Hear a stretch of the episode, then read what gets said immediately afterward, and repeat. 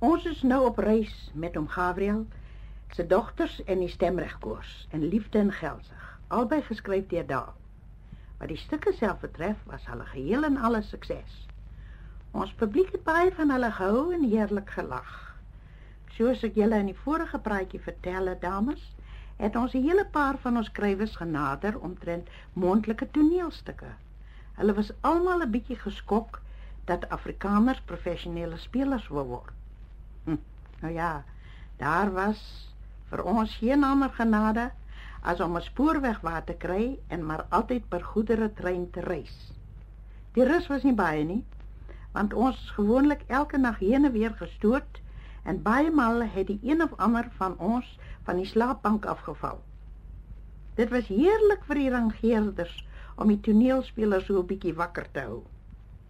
Ons is nie toegelaat om in die water te kook nie, maar dit het ons nie lank geneem om maats te maak met een van die kerels voor in die lokomotief nie. Ons keteltjie dus te neem en kookwater by hom te kry. Ons het selfs 'n potjie kos daar voor by hulle gekook. Dames, julle het al gereis en julle is seker bewus van al die eensame en verlate ou stasietjies hier in ons liewe land. Ons grootste moeilikheid wat ons gehad het, was dat ons baie Sondae afgeskop was, soos die spoorwegmanne dit noem, op 'n klein stasietjie, myle van die naaste dorp af, om die hele Sondag daar te staan.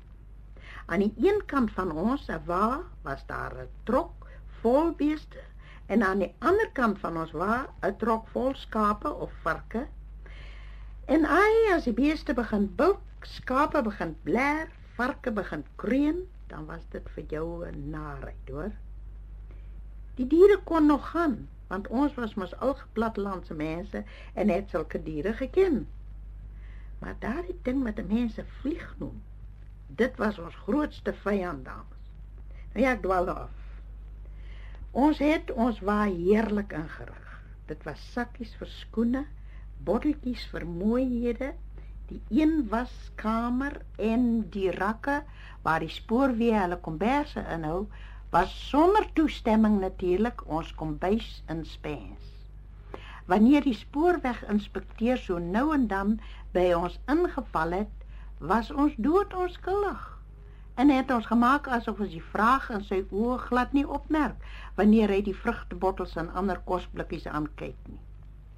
Hy kon mos self sy verstand gebruik het, want waar moes ons eet as die naaste eetplek myle en myle ver van ons af is? En boonop moet die boer mos nog sy koffie ook hê. So het ons dan met die trein getoer en glad nie aan die ongemak gedink nie.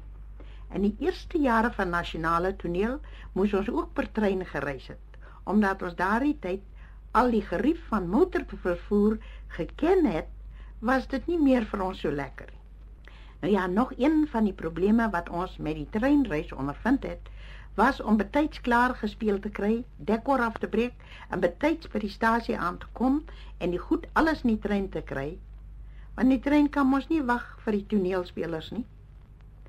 Die vervoer vanaf die stasie tot by die dorpsaal waar ons nou sou speel, het ook maar baie hoofbrekens gegee. Ten spyte van die geldskaste het ons maar altyd 'n vragmotor vir die dekor en ander kleinighede gekry. En ons dames moes maar dapper en stapper in die pad val. Die meeste van die dorpies, veral in die Vrystaat daai dae, het so omtrent 3 myl gemiddeld van die stasie afgelê.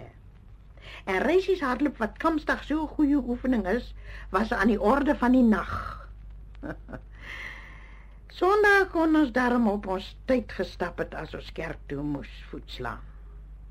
Selfs in 1926 Toen ons en Paul de Groot gemalgemeer het, moes ons nog per trein getoer het. Want nog ons, nog Paul het die geld gehad om 'n bus te laat bou of 'n motor te koop. Ons het 'n jong dametjie Anne-Marie by ons gehad. En glo my vriende, ons het baie maanlig aande op die trappies van die wa op 'n stil stasietjie gesit en gesing. Dit was heerlik. Paul was versot op ons boerekos. En Delana ouma, dit is my moeder, soos almal haar genoem het, het jy daardie tyd so bietjie saam met ons gereis. Paul, soos ek nou net gesê het, versotte boere kos, het eendag gehoor dat ouma vir Andre beloof het dat hulle een van die aande melksnysels gaan kry. Paul, alhoewel hy nie die vaagste benul gehad het wat melksnysels nou eintlik is nie, kon hy daar nie wag vir hierdie ou lekker boerekos nie. Eendag toe ons weer op 'n klein stasie is, besluit ouma, vanaand gaan die kinders melksnysels eet as hulle moeg by die wa aankom. Toe ons dan ook by die wa aanland, sê sy: "Groot verrassing vir julle." "Wat is dit? Wat is dit, ouma?" Kom dit van alle kante. "Nee, wag, kinders, wag, wag, wag trek nou maar eers julle slaapklere aan en kamerjaponne en dan Intussen het ouma die primusie aangesteek en al die vensters toegemaak want op elke stasie dames is daar mos 'n kerel wat die belange van die spoorweë op sy hart dra. Nog nooit het die toneelspelers so gou in hulle nagklere gekom nie. Want raai vriende, Dit is mos iets wat toneelspelers nie ken nie en dit is om op 'n ordentlike uur se nagklere aan te trek. Ons kan mos nooit nie bed kom nie. Intussen moes die rangeerders agtergekom het dat in daardie trein nie net viervoetige skape en beeste is nie, maar ook tweebenige diere. Ouma was nog steeds doentig in die kombuis terwyl ons sit en gis oor wat gaan kom.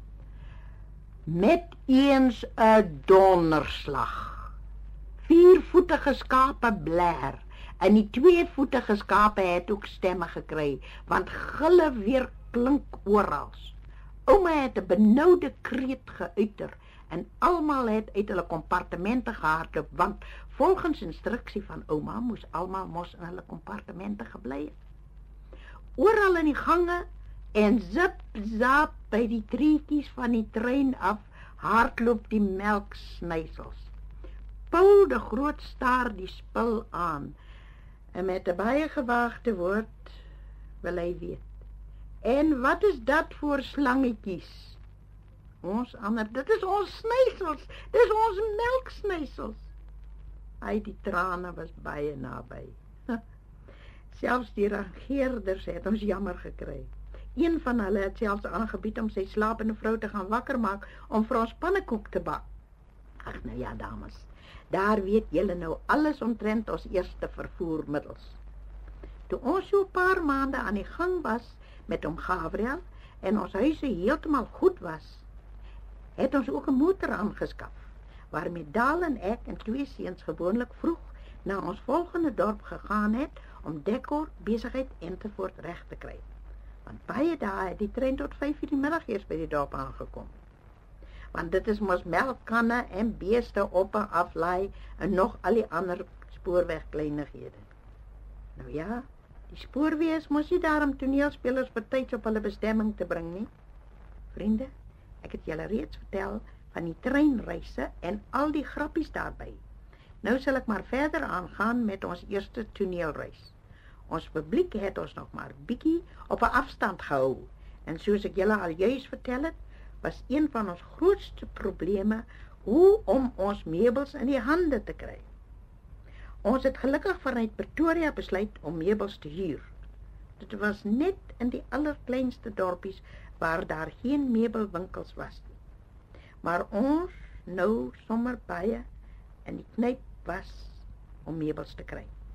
Gelukkig was daar op hierdie dorpies baie nuuskierige skoolkinders wat gedurig kom kyk het hoe lyk hierdie mense. Ek dink dat al die kinders baie teleurgesteld was want ons lyk dan maar net soos die gewone mense van hulle dorpe. Nou ja, meubels en kinders. Gou het een van ons ons hand om een van die klein goed se nek en hulle sit af na hulle mammies toe.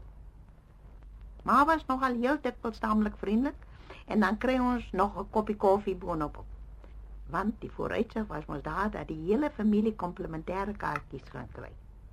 Almal was ongelukkig nie so vriendelik nie. Maar laat ek julle vertel van hoe ek kennis gemaak het met 'n dame wat vandag een van my intiemste vriendinne is. As ons bymekaar kom, lag ons nog altyd oor hierdie kennismaking. Ek was op soek na meubels. Ek het soos gewoonlik eers vir die plekbespreker gevra wie die dame nou eintlik is wat die mooiste meubels in die dorp het. Ek bevind my dan ook gou-gou daar. Dit was die bankbestuurdershuis. Dit was soos ek verwag het, nie die bediende wat op my klop kom oopmaak het nie, maar wel die huisvrou van self. Ewe deftig het ek myself voorgestel en haar gevra of dit moontlik sou wees om twee armstoele en 'n paar tafeltjies te leen. Ek wou haar nie beledig om betaling daarvoor aan te bied nie. Ek was egter nog nie eers klaar gepraat nie of ek moes terugspring anders was my neus nie deur toegeknyp. Ewe kalm, want raai vriende, party van ons toneelspelers kan mos ook soms kalm wees. Loop ek toe na die agterdeur en toe mevrou weer opkyk, staan ek in die kombuis waar die teekoppies netjies gereed staan. Ek sê toe maar ewe kalm. Nou ja, mevrou, as jy my daar nie wil meubels nie nie, sal jy my tog seker 'n koppie tee aanbied. Sy kry so effens se klere en sê: "Seker mevrou Anne, kom sit." Latere jare was dit sy wat altyd eers gesê het: "Ou Magda, wanneer kom drink jy tee en eet jy weer by ons?" In elk geval, ons het lekker aan die gesels geraak daar in die kombuis. Ek vertel toe net 'n paar neefs van my was ook bankbestuurders. En vriende, moet nooit vergeet nie, hierdie ou girl Magda was mos 'n grand stadsklerk se vrou voordat hulle so mal geword het om toneel te gaan speel. Daardie aand was die dame se hele sitkamer meubels op die verhoog.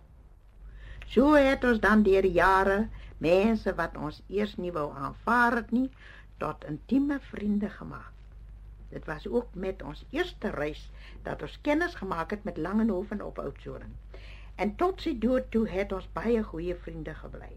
Vroutjie self het tot 'n jaar voor haar dood altyd by ons in die kleedkamers kom sit want sy was baie geïnteresseerd in ons mense en ons gremering.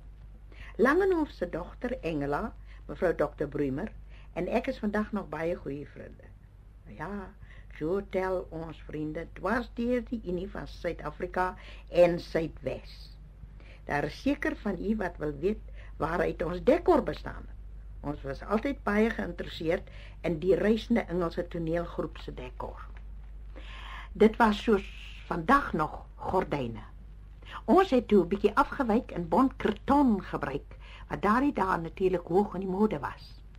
Vandag word swart gordyne gebruik. Ek is baie trots daarop en vertel u graag dat ek en Wina Maudi in later jare ons self geleer het om die dekor maklik te hang. Dis nakies, noem dit wat jy wil, maar tot vandag toe help ons. Hierbo bedoel ek natuurlik Wina, Elsa Forgie en ek self help ons nog om my waarde sê ons doen dit self, dekor hang en alles doen. Ons werk tot laat saam. Nou ja. Ons het nie ou daai skroef met 'n ringetjie elke 2 voet in die dak gedraai en hieraan het ons dan die gordyne gehang. Selfs in hierdie ou moderne tyd bly ons metode maar nog die beste. Ons moet moes op ons eerste toer altyd van die saal se ligte gebruik gemaak het. Glo my dit was soms nie te goed nie. Dit is eers baie jare daarna dat ons toneelspelers ons eie ligte voorsien het. Op die verhoog is ons natuurlik baie gestel op ons kleredrag en alhoewel ons dikwels met ou gestopte en gelapte klere op die verhoog verskyn, is en was dit altyd baie skoon. Ja, ons eerste toneelreis, die herinnerings, die vreugde. Ja, ons het gewerk en sommer hard gewerk om 'n sukses te maak van ons onderneming. Met huis toe het ons huise weer gesak. Om Gabriel was beter. Met huis toe het die eetgoedjies toe ook maar bietjie skaars geword. Later het elke speler net 62 per dag gekry. En Andre was so lief vir die Franse broodjies wat ons toe kon gekoop het. Hy het dit altyd sy papi en golden syrup genoem. Daar het hy geleef. Wina weer het beskuitjies en melk geëet. Ons het net altyd gesorg dat Paul goed eet. Ons speel eers op vrede en die trein kom half 8 aan. Ons moes nog dekor hang en alles reg kry. En selfs vandag duur dit nog maklik van 11:00 in die môre tot 4:00 in die middag om ons dekor te hang en alles in orde te kry. Ons lag altyd so as ons vriende sê, "Ag, julle toneelspelers werk mos nie." nou ja, terug aan 1926. Ons kry hier motor op die stasie en Paul, Daal en ek eerste saal toe. Dit was so 'n oop voetjie waarin ons ry. 'n Rukwind skep die dekor en daar lê dit in die straat. Paul skree met 'n benoude stem aan die bestuurder: "Stop, kerel, stop! Min dekens lig in die straat." Paul het baie as hy koud kry onder die dekor geslaap. Ons komberse was ook nie te volop nie, dames.